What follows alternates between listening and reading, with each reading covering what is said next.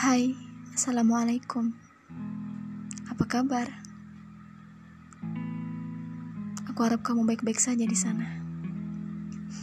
Maaf. Maaf belakangan ini aku menjauhimu.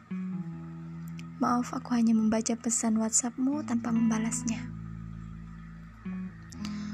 Aku tak ingin kita terus berada di zona yang salah kita terus menjauhi Tuhan kita tanpa tahu dan tak mau tahu yang kita lakukan itu adalah salah. Aku harap kamu mengerti.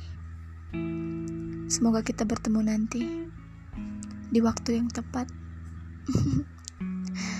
Andaikan itu tidak terjadi, aku harap kamu tak akan melupakanku. See you.